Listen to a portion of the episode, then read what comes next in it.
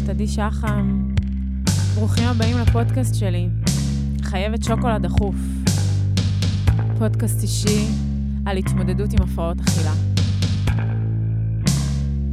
חייבת שוקולד דחוף!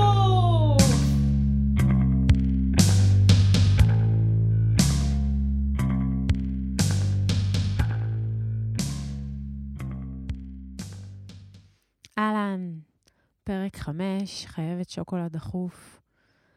אני כבר ממש אה, נכנסת למין שגרה כזאת של להוציא כל יום ראשון את הפודקאסט, וזה מאוד כיף לי ומרגש אותי, וגם אני זוכה לספר לכם ולשתף אתכן ואתכם בלייב בכל ההתפתחויות שקורות בחיי, בעיקר בטיפול.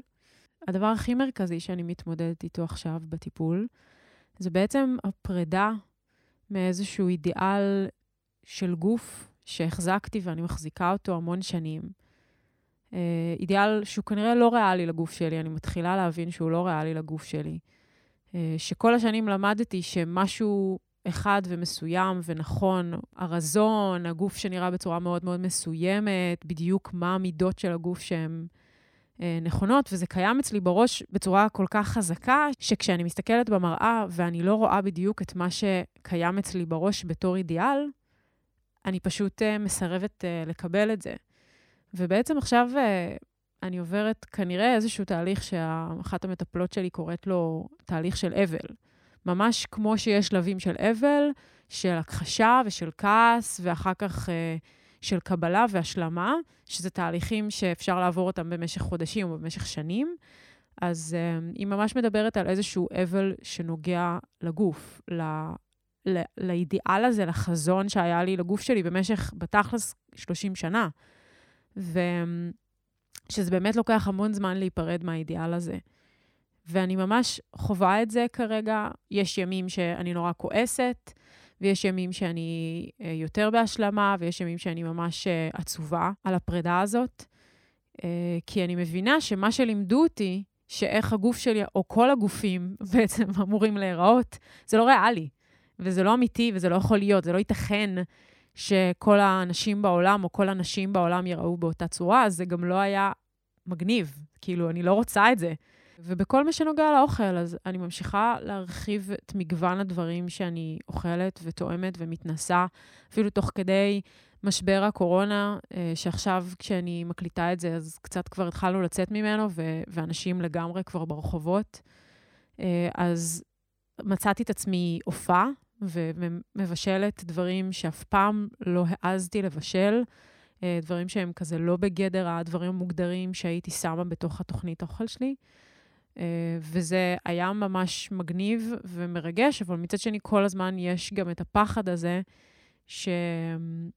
שאני אוכלת עכשיו עוגה שאפיתי, וזהו, בגלל שעד עכשיו לא עשיתי את זה, זהו, אני עולה במשקל. זה איזשהו פחד עתיק שיש לי אותו מאוד כשהייתי באמת במשקלים הגבוהים האלה, ובאמת כאילו גדולה, אה, ועכשיו זה קצת פחות רלוונטי. אבל זה כן איזשהו פחד שקיים ועולה פעם ב... ואני כן מרגישה גם שיש שיפור ממש ממש דרמטי במקום הזה, ביחס לאוכל, ביחס לגוף. אה, ממש ממש הבדלים היסטריים, וזה מדהים, כי אני באמת מטופלת כבר יותר מ-15 שנה בכל מיני סוגים של מסגרות. ואף פעם לא חשבתי להגיד לרגע, זה זה, זה מי שאני. פשוט תמיד חשבתי שזה איזשהו כישלון אישי שלי, אם עדיין לא הצלחתי להגיע לאידיאל ולחזון הזה של הגוף הרזה. וזה לא כישלון אישי. זה, אין לזה שום קשר למילה כישלון בכלל, זה פשוט מה שזה. אני חשבתי פשוט תמיד שאם אני אעבוד יותר קשה על להיות יותר רזה, אז אני אהיה יותר רזה. אבל כנראה שזה לא עובד ככה. כנראה שפשוט יש אנשים שהם באופן טבעי במשקל מסוים, ויש אנשים שהם במשקל אחר, ו- וזה, ולכל אחד יש את הנטיות שלו, ולהילחם בזה זה קצת לא יעיל. זאת אומרת, אפשר להילחם בזה, אבל היי, נלחמתי בזה 30 שנה, וכל מה שקיבלתי זה את ההפרעת אכילה הלא חמודה הזאת. אז no thank you. ואני חושבת שזה איזשהו משהו שמבחינתי הוא די uh, mind blowing, זה די כאילו לפצח את השיטה. אז זהו, יש בזה דברים מאוד מגניבים ומאוד מרגשים, ועם זאת, זה באמת תהליך לא פשוט של לפגוש את עצמי כל יום מחדש עם הפחדים האלה, עם הרצונות הסותרים, גם uh, קול מאוד מאוד חזק שרוצה החלמה, ומצד שני קול מאוד מאוד חזק שרוצה להמעיט ורוצה לצמצם ורוצה אה, לחזור לאיזשהו משהו מאוד מאוד נוקשה, אה, ופתאום אני מגלה שיש לי מאכלים שאני אוהבת ומאכלים שאני פחות אוהבת, ואולי מאכלים שהגוף שלי, בגלל שאני מאוד מאוד מנסה להיות קשובה לו, אולי מאכלים שהגוף שלי פחות מקבל טוב.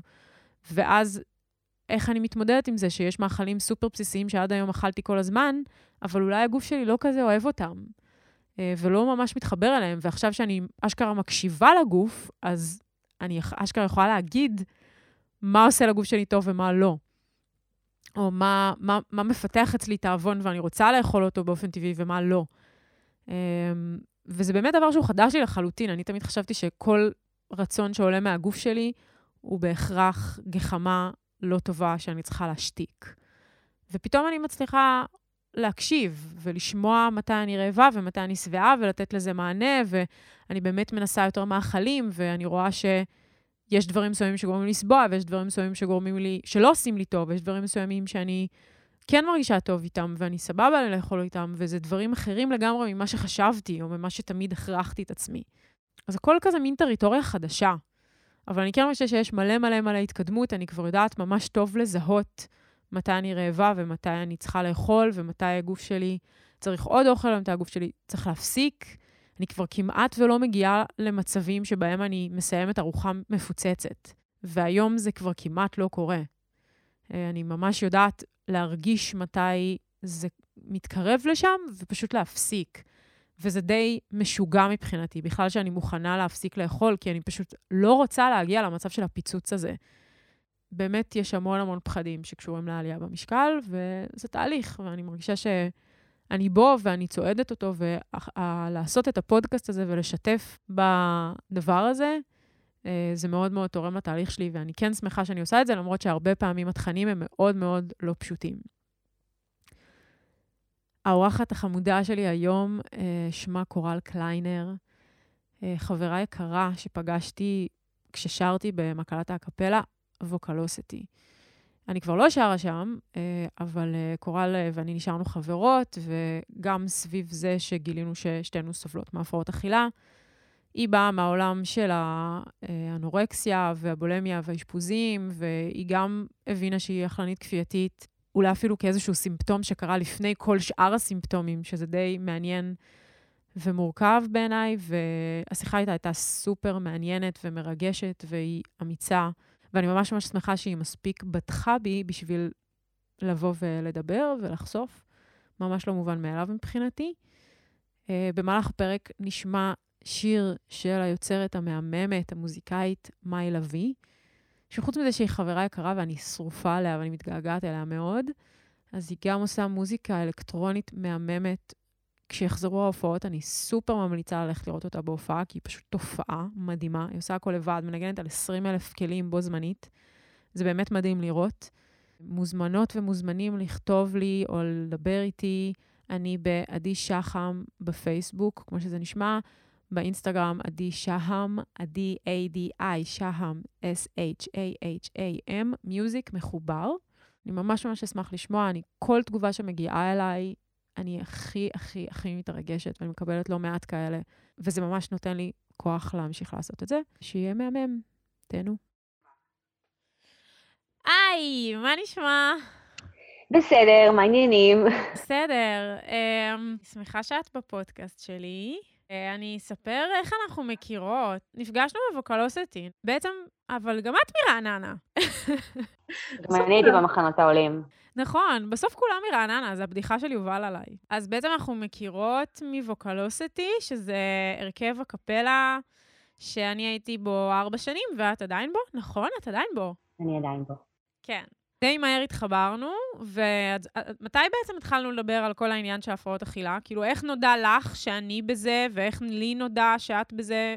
אני לא זוכרת. קודם כל, אה, הרבה ערבי גיבוש שהגענו לדבר אה, כמה אנשים במעגלים שהם באמת מאפשרים פתיחות ואותנטיות, וכאילו להביא את השיט של עצמך, זה גם משהו שמייחד את ווקלוסיטי ובכלל. אה, אני חושבת שחשפנו את זה, אני בן אדם שמאוד אה, בא ואומר את זה. כאילו, אני לא יודעת איך זה קרה ואיך זה נוצר, אבל זה גם נוצר שם. את לגמרי פתוחה לגבי זה, כאילו, כן. את לגמרי פתוחה לגבי זה, זה לא משהו שאת, שאת שומרת לעצמך בקטע טוב. ממש... להפך, להפך, כאילו, אני לוקחת את זה היום כי אני מנסה לראות את הדבר הזה עם המון הרבה כוחות. אוקיי, אז, אז אולי, אולי כזה תספרי קצת מה החוויה שלך, מתי התחילו לך הפרעות אכילה, מה... מה יש לך? אה, אז אני, התחילו לי הפרעות אכילה בגיל שמונה. חוויתי הרבה משברים סביב אה, חברים, הייתי תקועה חברתית, מבחינה לימודית לא הייתי טובה, ואז בכלל לא היה במודעות הפרעות קשב ולא אבחנו אותי בשום דבר. וגדלתי בבית שבא עם המון ביקורת, בבית של הורים שהם מקריירות שלהם ולא כל כך... אה, הרגשתי שלא ראו אותי, אה, הרגשתי המון תסכולים וקשיים בתור ילדה, ואז האוכל הגיע. כחבר, כ... כוויסות, כמשהו שלא עוזב, כמשהו שתמיד נמצא ונוכח.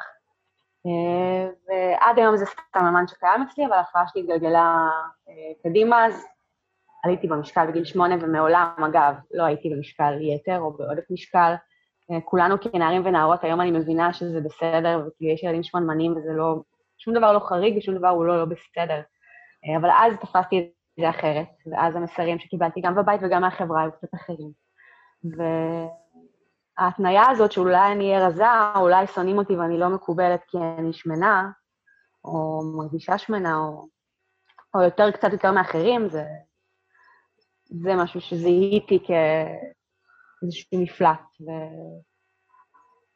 ואחרי שהגעתי לאיזה החלטה עם עצמי שאני מפסיקה לאכול. אה, אחרי, ש... אחרי כמה שנים גם הגיעו הקאות. ועד היום אה, אני מוגדרת כאנורקסיה מהסוג המטהר, זה אנורקסיה נרבוזה purging type. זה מהסוג שגם מצמצם וגם צם וגם מבלמס וגם מקיא. The worst kind, בוא נגיד ככה, לתפיסתי. כל החגיגה. לגמרי, הכל ביחד, כל הקוקטייל. כן. אה, והפרעת אכילה, הפרעת אכילה, ויש לה המון צורות ופנים, ואנחנו יודעים שיש את התנודות האלה כל הזמן, ו... איך ההורים שלך גילו את זה? המשפחה? איך הם התייחסו לזה? קודם כל, אימא שלי היא אשת טיפול, שזה סנדלר הולך יחף במילים אחרות, אה, אז שלחו אותי לטיפול בגיל שמונה, כאילו לא... פחות חיפשו לדבר איתי, לתפיסתי, וחיפשו איזשהו איש מקצוע שיפתור את הבעיה או יטפל בבעיה, וזה לתפיסתי רק העמיק את, ה... את התחושה הזו ש... שאני לא מובנת, שאני לא בסדר כמו שאני, אבל לאורך כל השנים הייתי מטופלת תמיד, כאילו זה... זה אני אגיד לשמחתי, והערכה גדולה להורים שלי, ש... הציעו לא מעט ומוצאים לא מעט לטיפולים. אה, אני מרגישה שאני ממש יודעת להגיד על עצמי מה היה ההתגלגלות של הדברים. זאת אומרת, מתי זה החמיר, מה היה טריגרים לזה. אה, אפילו אני יודעת להגיד את זה ממש ברמת הדיאטות שעשיתי, וכאילו, את יודעת, החמירו את המצב. אבל לי יש משהו אחר ממה שלך יש. אני כאילו לא הרעבתי את עצמי יום בחיים. אני אגב חווה את עצמי גם כאכלנית כפייתית, כאילו, יש לי את ה... זה חלק מאוד גדול מההפרעת אכילה שלי, האכילה כן, הכפייתית. כן. הקאות זה פיצוי, הצמצום זה פיצוי, אבל אני חווה את זה כסימפטום עיקרי, שבעבר אגב לא חוויתי, זאת הכרה שאני הבחנתי את עצמי, אבל אני מחוברת למה שאמרת. כן. וכאילו אני אומרת לך, גם אני מבינה את המקום הזה. אז בעצם את אומרת שכל השנים המשפחה שלך ידעה מזה. אה, אנחנו משפחה של להגיד את הכל ואין כל כך אה, מחסומים ומדברים ומעורבבים קצת אחד בשני, לא קצת. אה, כל הפרעות האכילה מגיעות, הן הפרעות של, של, של החולה או החולה ושל המשפחה, הפרעה של יחסים. ויחסים בין בני המשפחה זה היחסים הכי משמעותיים וראשונים שאתה חווה. ו... מה זאת אומרת, הן בעצם הפרעות של המשפחה? תרחיבי על זה קצת, כי אני לא שמעתי אף פעם את הסיפור הזה.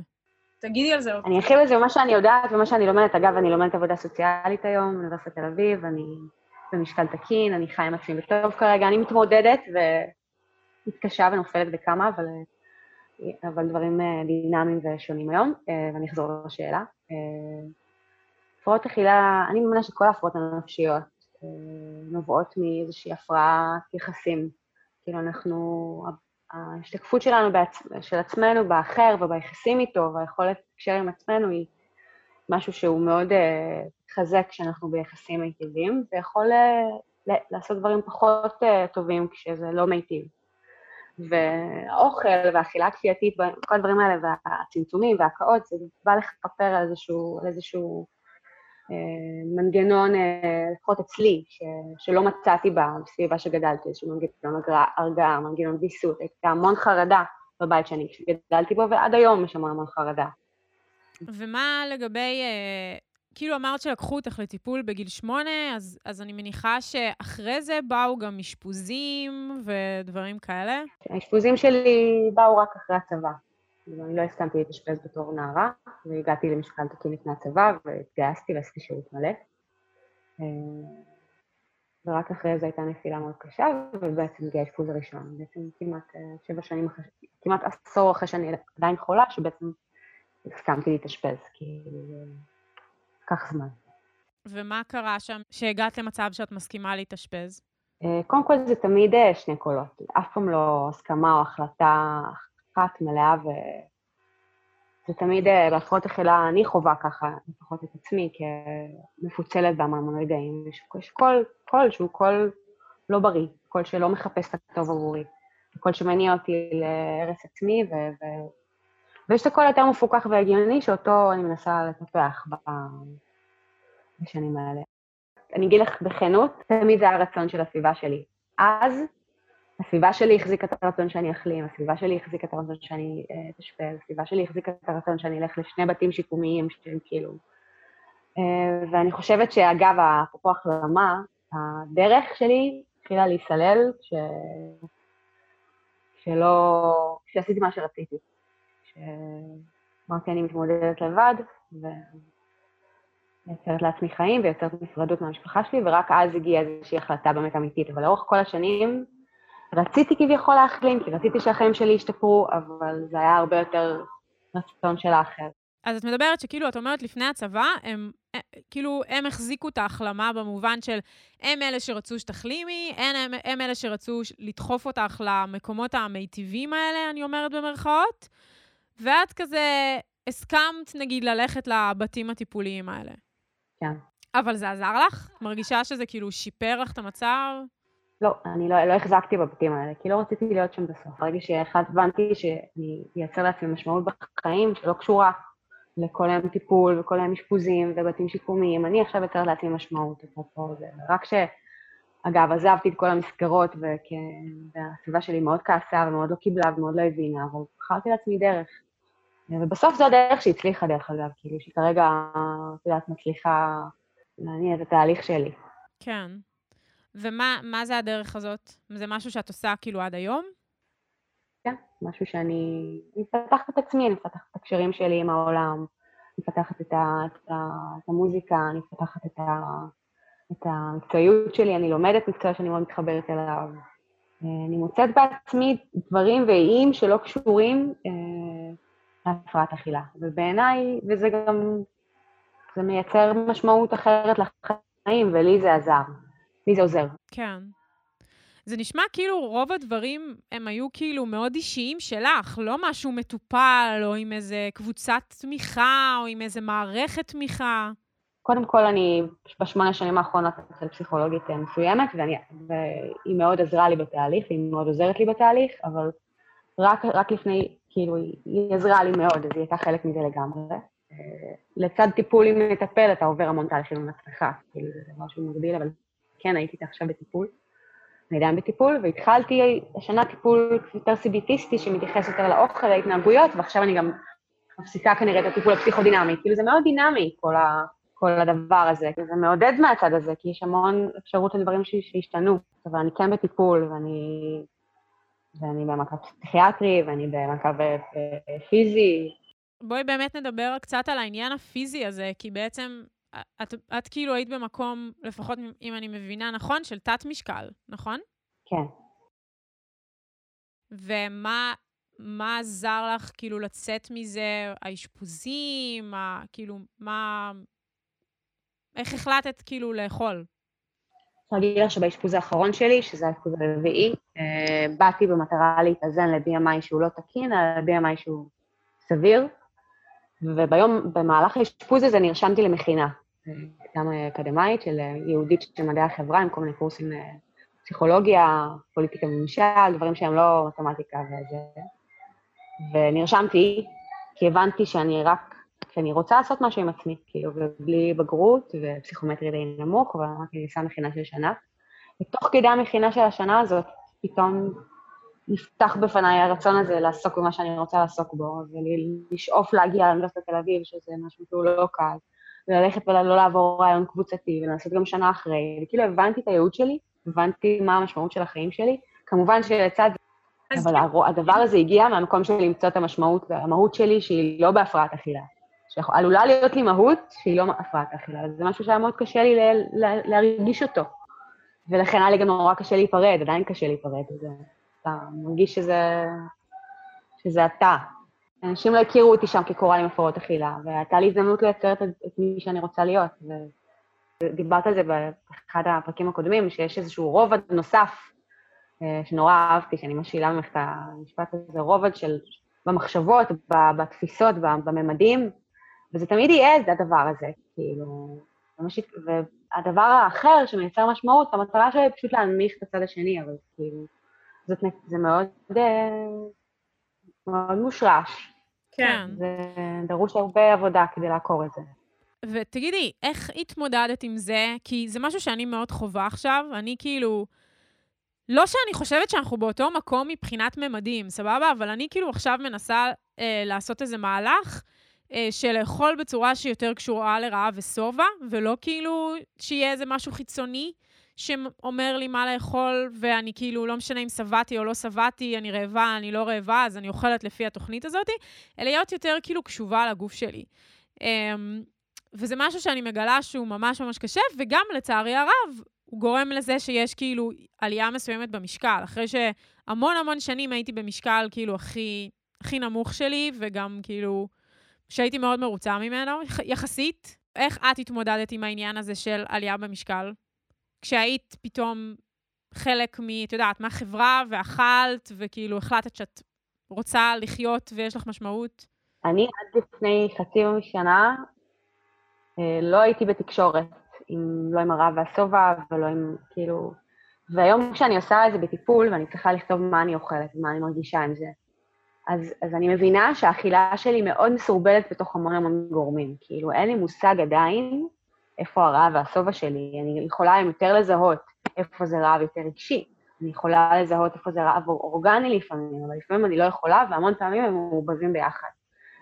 זה לא, לי את התשובה ואני לא התמודדתי, אני כאילו מתמודדת עדיין עם השאלה הזאת. כן. הדבר השני ששאלתי זה לגבי העלייה במשקל, שאני מניחה שהיא הייתה, כי כשאני הכרתי אותך, בוא נגיד היית קצת פחות ממה שאת היום. לא באמת הבדל שממש משמעותי, אבל אני בטוחה שאצלך הוא ממש משמעותי. אני חייבת להגיד היום, שדווקא היום, בנקודת זמן הספציפית הזאת, הדבר שמאוד מאוד עזר לי בשנה, שנתיים האחרונות לשיפור הדימוי גוף זה הספורט. כאילו, גיליתי את הספורט, שזה עוזר לי א', לאכול, ב', אה, להתכתב, להבין שרזון, כאילו, זה לא הדבר הכי מושך שיש, כאילו, קודם כל זה ממש עוזר לי, וזה עזר לי מאוד בשנים האחרונות יותר גם לקבל את הגוף שלי, לקבל את זה שאני במשקל תקין, ולקבל את זה שאני לא אהיה מרוצה מעצמי כל הזמן, אבל אני גם מתמודדת כל הזמן עם, ה... עם הדימוי העצמי הנמוך, עם הקושי עם העלייה במשקל, עם הרצון לרדת במשקל, עם זה שאני אוהבת לפעמים שאני יורדת במשקל. זה עדיין קיים, אה, אבל אה, בדיוק לפני כמה ימים נזכרתי שכאילו, אמרתי לעצמי פעם שאין מצב שאני אהיה במשקל הזה, X, ואני אהיה סבבה עם עצמי. וואלה, היום אני במשקל X ואני סבבה עם עצמי, כאילו, יחסית. אני, אני... משהו בראש השתנה, משהו בנפש השתנה, אמ, שילוב של דברים, אבל היום אני יותר מקבלת עצמי במשקל הזה מאשר שיכולתי לקבל פעם. עדיין קשה לי שאני אוכלת מלא ושאני כאילו בקורונה, ועדיין אני רואה, אני רואה את העלייה במשקל, ואני רואה שדברים, אם לא בא לי לעשות ספורט שבוע, אז כמה זה משפיע, אני כל הזמן אלרט uh, לדבר הזה. מאוד מזדהה עם מה שאת מדברת פה. כן. אני חושבת שהחלום מבחינתי, כאילו ממש מה שבאמת הייתי רוצה, זה שאני לא אתעסק עם זה יותר. שזה, שזה יהיה כאילו נון אישיו, ואני כאילו פשוט אוכל להסתכל במראה ולהגיד, זה מה שיש. כאילו, בלי שום שיפוטיות כלפי הדבר. אבל ככל שאני מתעסקת בזה יותר, גם בתוך הטיפול וגם כאילו בפודקאסט הזה, אני מבינה שכנראה שזה אף פעם לא באמת יקרה. אני יכולה לשאוף כאילו להיות הכי בטוב שאני יכולה עם הדבר, להיות בסדר. אני לא יודעת אבל אם להיות כזה, להרגיש שאני לגמרי בקבלה עם זה. אני לא יודעת אם זה אי פעם יקרה. אבל זה מעניין לשמוע גם אותך, שכאילו, את אומרת, את כבר הרבה שנים בטיפול, וגם היית כאילו בארבעה אשפוזים, שזה כאילו, זה חתיכת דרך. זרקת משהו על העניין הזה שבאשפוזים החוויות עם הדיאטניות היו תמיד קשות, ואני מרגישה שזה משהו שמהדהד מאוד אצלי, כי גם אצלי תמיד החוויות בדיאטות ודיאטניות היו נורא משאירות צלקות. כשאת בתוך אשפוז, ואת מתאשפזת על הפרעות אכילה, אה, אז, אז הדיאטניות הן כמו שוטרים. כי יש בנות שעושות כל מיני שטיקים, ויש סימפטומים על פני השטח. כאילו, היה שם כאילו משטר כזה, מתייחסים אלייך כחולה, כמטופלת, ככזו שתמיד משקרת ומתחמנת, גם אם את לא. אה, וזה, לא כי זה את, אלא כי היחס ש, שאמרו להם לתת. ושוב, יש, יש המון הקשבה ואנשים טובים, אבל כאילו, הפאסון נורא קשוח. כאילו, אני שמה לב לזה, כי אני היום מטופלת אצל מישהי שהייתה דיאטנית במחלקה שהייתי מסתובבת בה, וחוויתי אותה נורא אחרת ממה שאני חווה אותה היום. כאילו, יש איזושהי דמות אה, והאשפוזים האלה גם מסמלים אה, כאילו אובדן שליטה, אובדן עצמאות, אובדן פרטיות, כאילו זה, אתה כאילו מוסר את, אה, את עצמך לרופאים ותעזרו להתגבר על המחלה שלי, ושם זה בעייתי. וזה צילק אותי, כי לא רציתי לתת מפלדת לדיאטנית אחרי זה, ושוקלים אותך לאורך שנים, כל שבוע וכל, וכל יום, וכאילו, די, כאילו, זה, זה, זה ממש קשה. והיה בי חלק שפתאום כאילו כבר לא הייתי בתוך הסאג הזאת, שאמר, לא בא לי עכשיו, לא בא לי טיפול דיאטטי, די, התעסקתי במשקל שנים, התעסקתי בשקילות ומה, לא בא לי, לא בא לי על זה, כאילו. וזה היה בסדר אז, כי זה באמת לא היה זמן. ו... והיום אני כאילו במקום אחר שמסוגל להתמודד עם הדברים האלה. וואי, אני מה זה מזדהה, זה מדהים, כאילו, אף פעם לא הייתי באשפוז וגם לא קרוב לזה. אבל כאילו, אחד הדברים הראשונים שאמרתי למטפלת שלי, שעכשיו כאילו, יש לי, יש לי גם מטפל פרטני וגם דיאטנית, אז אחד הדברים הראשונים שאמרתי לדיאטנית שלי זה, אני לא יכולה להישקל. כאילו, בהתחלה היא... אני נשקלת פעם בחודש. כן. בקרה, אני כבר, המשקל כבר לא אישו בטיפול הזה, זה מדהים, כאילו. אז זהו, אז כאילו אצלהם, במכון שאני הולכת אליו, במכון אגם, אז הם כאילו מין... הסטנדרט זה שאת באה ונשקלת מדברים על זה יחד עם המטופלת, אבל בגדול, בהתחלה אמרו לי שהסטנדרט הוא להישקל פעם בשבוע. אוקיי, את המטפלת, אני זורמת איתך, אבל אני אומרת לך כבר מעכשיו, אם אני נשקלת פעם בשבוע, זה הופך להיות כל עולמי. זה הדבר היחידי שאני מתעסקת בו, זה הדבר היחידי שאני חושבת עליו. לא אכפת לי כלום, חוץ משהמספר של שבוע הבא יהיה יותר קטן. אמרתי לה, בואי ננסה. ובאמת, כאילו, בחודש ומשהו הראשונים, הייתי כל שבוע הבא, אם היה, הייתי רואה מספר יותר קטן, הייתי שמחה. אם היה מספר יותר גדול, הייתי בוכה. זהו. זה החיים. ואז פשוט די מהר הבנו שזה לא עובד, ואני לא נשקלת בכלל. כאילו, בכלל. שזה מה שתמיד הייתי עושה בתוכנית, ואני לא יכולה להגיד לך שזה מושלם. הייתי מתה להישקל פעם בחודש ושאני אהיה בסדר עם זה, אבל אני לא. זה המצב. אני לא. אני עולה למשקל ובא לי למות. לא משנה מה אני רואה שם, זה עושה לי חרא. את מבינה? אז כאילו מין... זה המצב. מנסה לזרום עם זה. אה, אני חייבת להגיד שאחת הסיבות שלא רציתי שהתנערתי מטיפול דיאטטי כמה שנים, זה שזה היה טראומטי להישקל כל שבוע בשבילי, טראומטי. זה פשוט נוראי, כאילו, זה עשה לי אנטי לכל ההתעסקות הזאת. ובטיפול הנוכחי שלי הוגדר מאוד מאוד בהתחלה שהמשקל הוא פה לא אישו, אלא יש בקרה מסוימת של פעם בחודש, סבבה. אבל כאילו, מה שאפשר לי לתת לטיפול הזה צ'אנס ולהיכנס אליו, הוא להוציא את המשקל מהמשוואה, כי זה לא באמת העניין גם. ויתרה מזאת, גם אני התנהלתי על זה, שנשקלתי כל שבוע, את לא יכולה לא לחשוב שיש לך שקילה בעוד שבוע ורגע וככה, ולא, לא, ההתעסקות גם ככה קיימת, לדעתי יש, שוב, אלא אם כן במצב לא טוב, בתת משקל, בתת תזונה, ביתר משקל, אם זה פוגע לך בבריאות באיזושהי רמה זה, אז בוא, זה פונים לטיפול ואין בעיה, וצריך להתעניין כל שבוע. הייתי צריכה להתעניין כל שבוע פעם. הייתי צריכה את זה, זה היה נוראי, והייתי צריכה את זה לפעמים, כדי לשמור על עצמי. אבל זה נוראי בעיניי, כאילו, זה אחד הדברים שאפשרו לי להתקדם, זה שלשים אותי למשוואה. כן, ממש, אני ממש ממש ממש מזדהה עם זה. אני ממש אשמח שתספרי לי קצת על הטיפול שאת עושה עכשיו. אולי זה יעזור לעוד אנשים, כי זה נשמע שאת כזה יחסית במקום יציב, או לפחות מאוד מוחזק, וזה נשמע טוב. תראי, אני, קודם כל אני אגיד שיש לי נפילות, ויש לנו קשים, ויש לנו יותר טובים, וכאילו, בא לי להגיד לעצמי ולאנשים, נגיד, שמקשיבים, שהשינויים באים בקטן, כאילו, ו... וגם אנשים שמתמודדים ועושים את זה יפה, גם להם יש נפילות, וההתמודדות ההתמודדות היא, היא כאילו בלתי פוסקת, ו... ויש ימים טובים, יש ימים פחות טובים, וכאילו בא לי לשים את זה על השולחן, שגם אני לא באיזה החלמה, ולא, אני לא בהחלמה. וזה בסדר, כי זה תהליך, ואני בתזוזה, בתזוזה, ואם אני מסתכלת שנה אחורה אני אחרת, שנתיים אחורה אני אחרת. חשוב להיות בתזוזה אה, ולהיות בחמלה, זה קודם כל אני אגיד. Uh, כרגע אני נמצאת בטיפול, uh, אותו טיפול שאני בו כבר uh, כמעט שמונה שנים, היה אמור להסתיים לפני המשבר של הקורונה, ובזמן המשבר הגעתי להבנות עם עצמי שאולי זה לא הזמן כרגע להיפרד, להשאיר את זה על השולחן, לשים את זה כ... אבל שאני צריכה כרגע את העוגנים האלה, אפרופו סגר וכאלה, אז טיפולים בזום עם אותה מטפלת, פסיכותרפיה, פסיכולוגית, אבל הטיפול החדש שהתחלתי בשנה האחרונה זה טיפול אצל דיאטנית, שדיאטנית שמתמחה בהפרעות אכילה, בחוץ, לא בתוך אשפוז. אה, ונפתח בפניי עולם, אה, כאילו עולם, עולם טיפולי חדש, שיכול להיות פה גם המון המון דברים נפשיים, ולדבר על, על, על החיים שלי ועל הקשיים שלי. יש המון המון שיח רגשי, כאילו האוכל שמה, ועוברים על התפריט, אבל מתייחסים הרבה לרגשי, המון.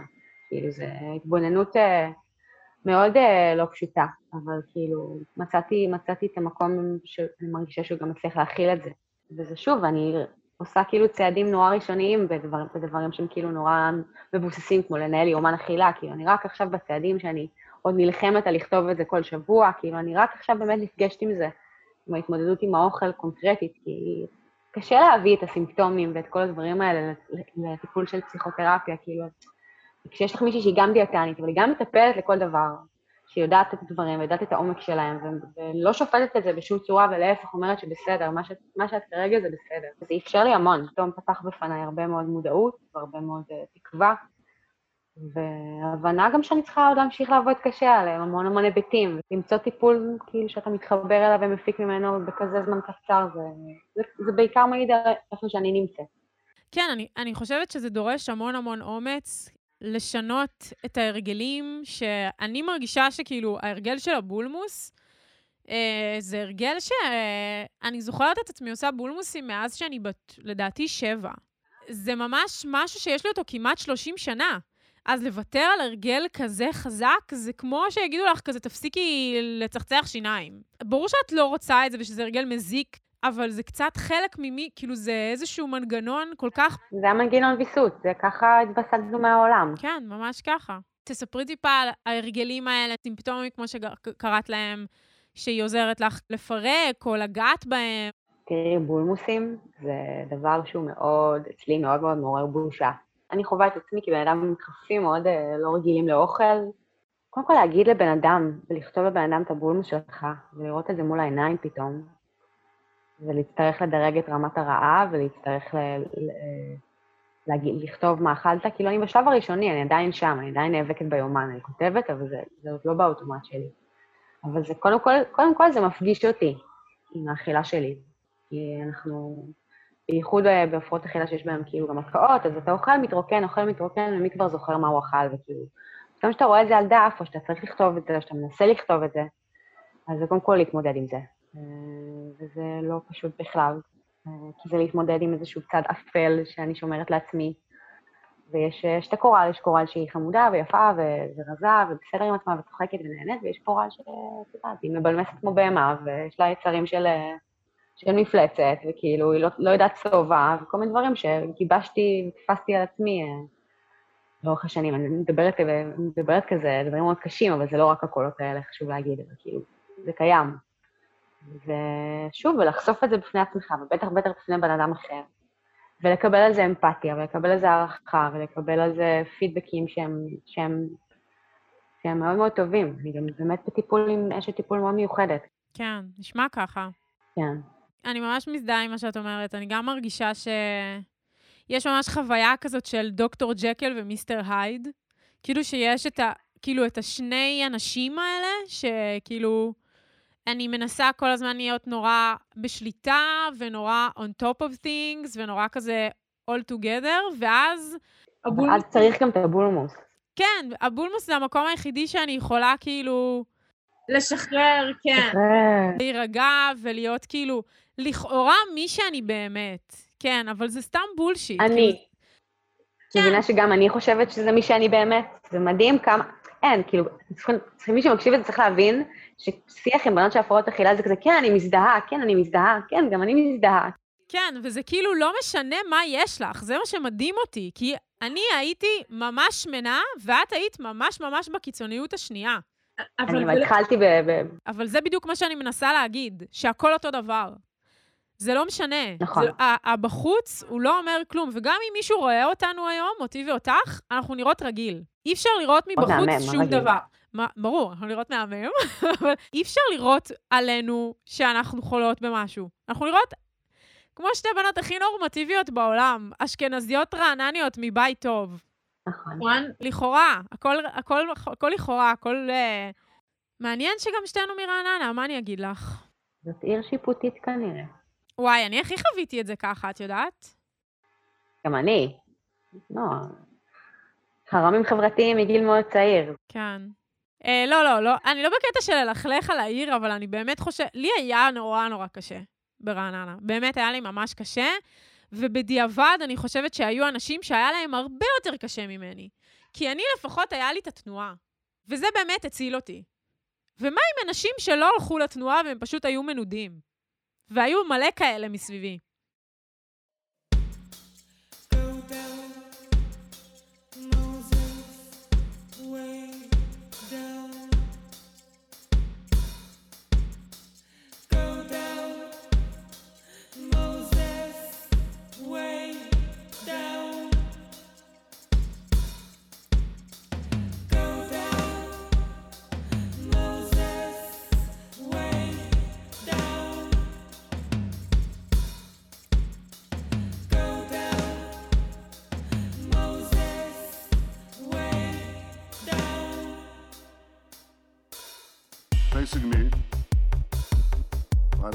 Gallery, overlooking all of us in this august chamber, is the image of Moses.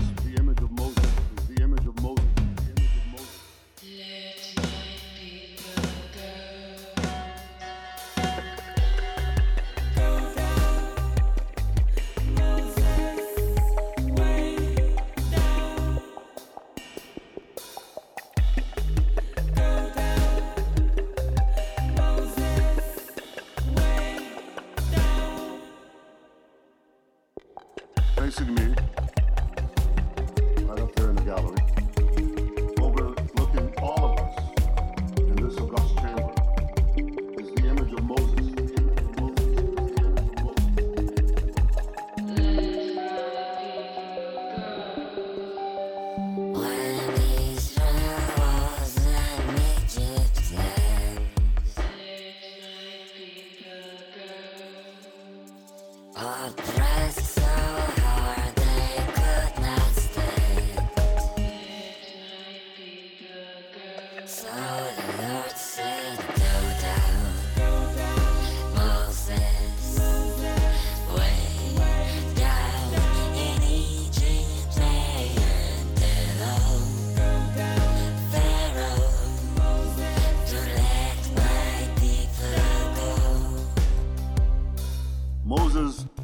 people from slavery to the gates of the promised land.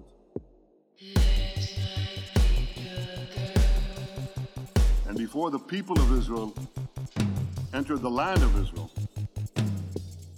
Moses gave us a message that has steeled our resolve for thousands of years.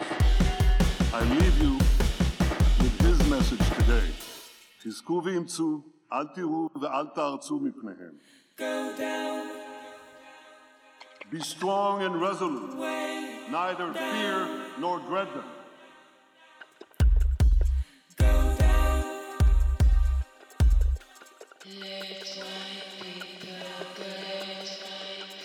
I leave you.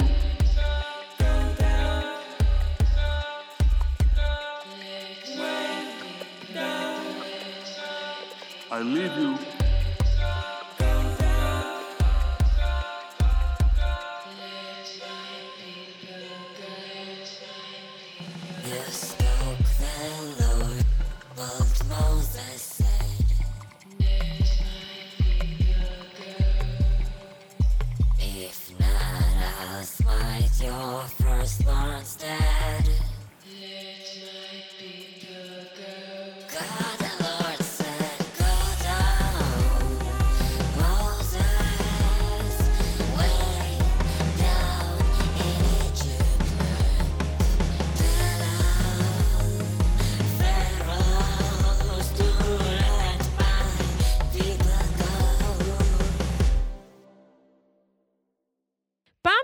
לי סרט שאחותך עשתה על הפרעות אכילה.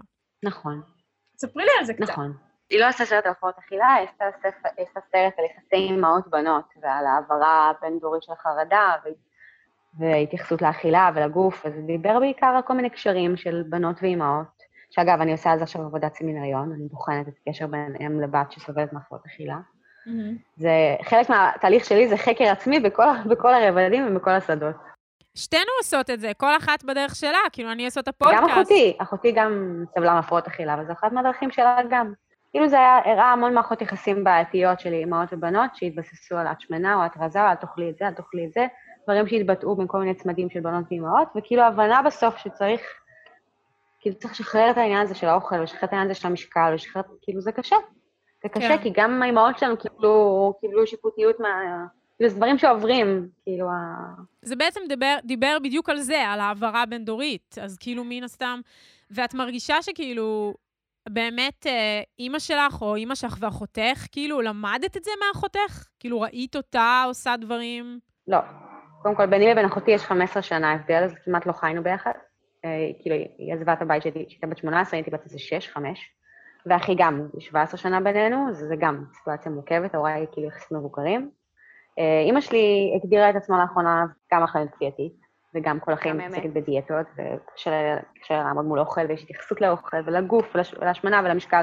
כן, זה היה בבית שלי, וזה אחותי, וזה אימא שלי, וזה כל הנשים בבית שלנו, וזה בכלל, כאילו, לצד זה, שאנחנו נשים מדהימות, כאילו, כל הנשים במשפחה שלי, ואני בדגש על אימא שלי ואחותי, הם אנשי, אנשי מקצוע מדהימים, וכאילו, הם מאוד הישגיים, והם הצליחו, מצליחים לנהל חיים בצורה מדהימה, ואני גם בדרך לשם.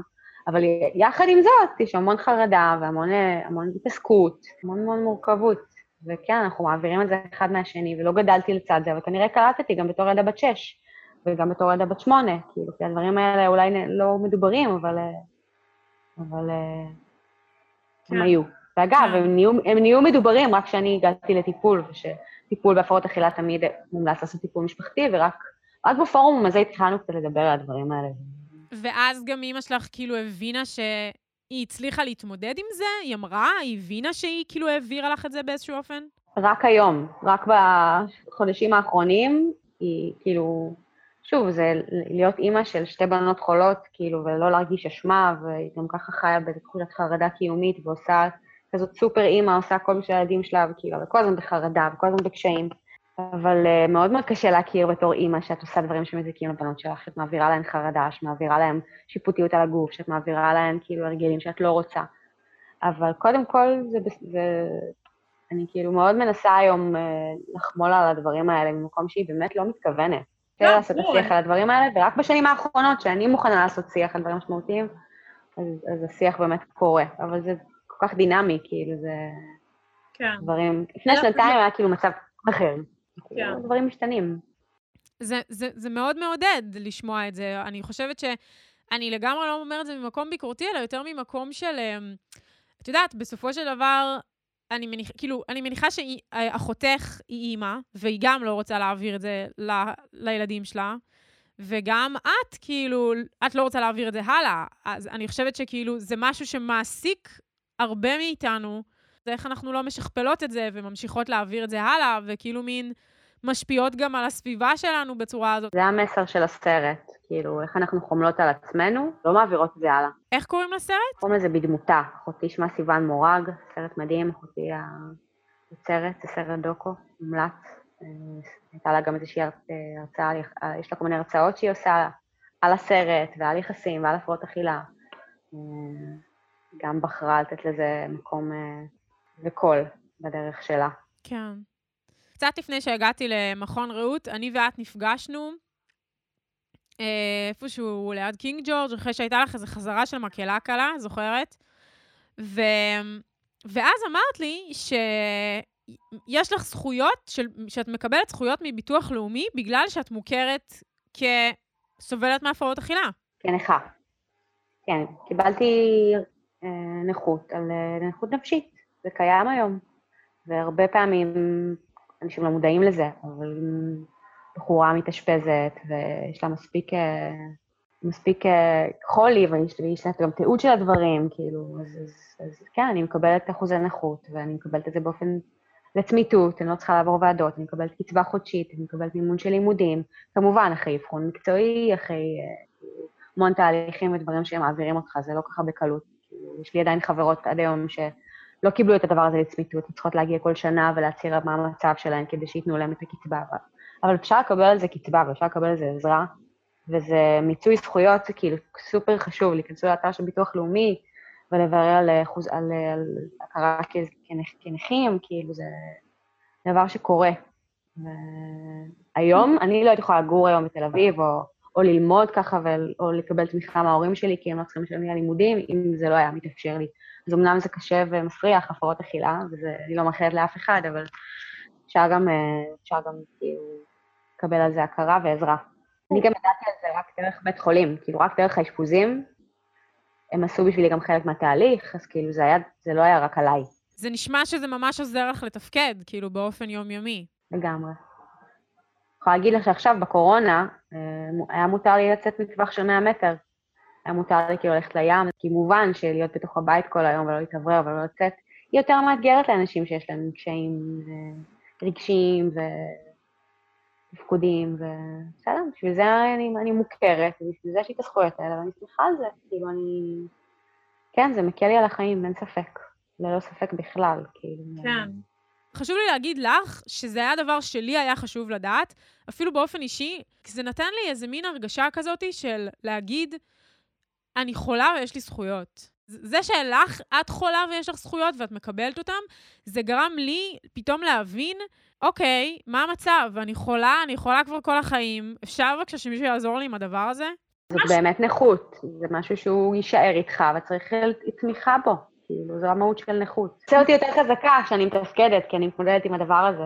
נכון, לגמרי, אני ממש ממש מסכימה איתך, ואני חושבת שזה נותן המון כוח, ההכרה הזאתי. שאת כאילו אומרים לך, כן, אנחנו מוריד מכירים בך. מהאשמה. לי זה מאוד עזר, זה שאת כאילו באת ואמרת את זה, זה באופן אישי, לי זה עזר. כי זה גרם לי כאילו למצות את הזכויות שלי. הלכתי לרופא ואמרתי לו, תקשיב, כאילו, אני מתמודדת עם הפרעת אכילה, אין לי כסף. אני לא יכולה לשלם יותר לטיפולים פרטיים. אני רוצה שמישהו יעזור לי. וזה שאת כאילו אמרת לי את זה, זה לגמרי מה שהתחיל את התהליך. יאה, כן, לא, באמת. מדהים. אז... אה, יואו, איזה מרגש אותי לשמוע את זה. באמת, קורל, זה ממש פתח לי את העיניים, כי...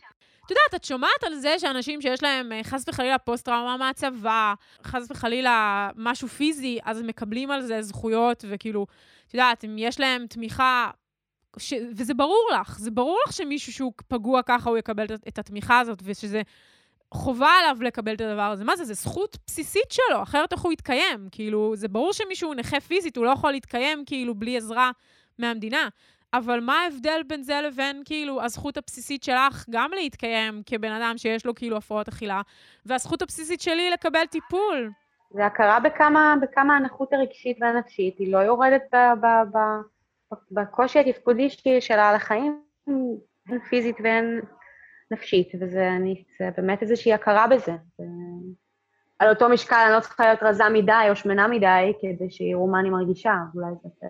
כן, בדיוק, וזה זה, זה היה לי ממש משמעותי, אז אני באמת uh, מודה לך על זה, כי זה באמת פתח לי את העיניים במלא מובנים. כאילו, היום אני מקבלת טיפול שהרבה זמן לא עזר לי כמו ש... כי הרבה זמן לא קיבלתי טיפול שהיה לי באמת משמעותי ועזר לי כמו שעכשיו, וזה לגמרי חינם. אני די בשוק עדיין מזה, את מבינה? אה, אני רגילה כל להוציא כל כך הרבה כסף על טיפולים בדרך כלל, ושזה כאילו גומר לי את הכיס, וגם כל הזמן אמרתי לעצמי, כל הזמן אמרתי לעצמי, כאילו, תשמעי, כאילו, אין לי כסף, אז אני לא יכולה ללכת לטיפול. אבל זה לא המצב, כאילו, זה מאוד מאוד uh, עזר לי. מבחינת שינוי מדיניות זה הדבר שהכי מעצבן אותי בעולם. שטיפול הוא כאילו יכול להיות רק של מעמד בינוני גבוה, אבל כל כך הרבה אנשים לא מהמעמד הזה צריכים טיפול, אם לא יותר מאלה שנמצאים, וכאילו זה אחד הנושאים שמרתיחים אותי. זה נראה לי איזשהו נושא, איזשהו תחום בריאות הנפש שהוא במשבר מאוד חמור במדינה, מעט אנשים, ורק האנשים שבאמת צריכים את זה, יודעים כמה המשבר הזה חמור. כי כשיש לך כסף לשלם על טיפול פרטי, אז הכל נראה לך בסדר. טוב, אהובה, I love you כל כך. גם אני, גם אני. ריגשת אותי מאוד במה שאמרת. אהובה, תודה רבה רבה רבה שהסכמת ודיברת. בכיף, בכיף, בכיף. נעמת לי מאוד. גם את לי, ודיברת בפתיחות ובהרבה אומץ. תודה.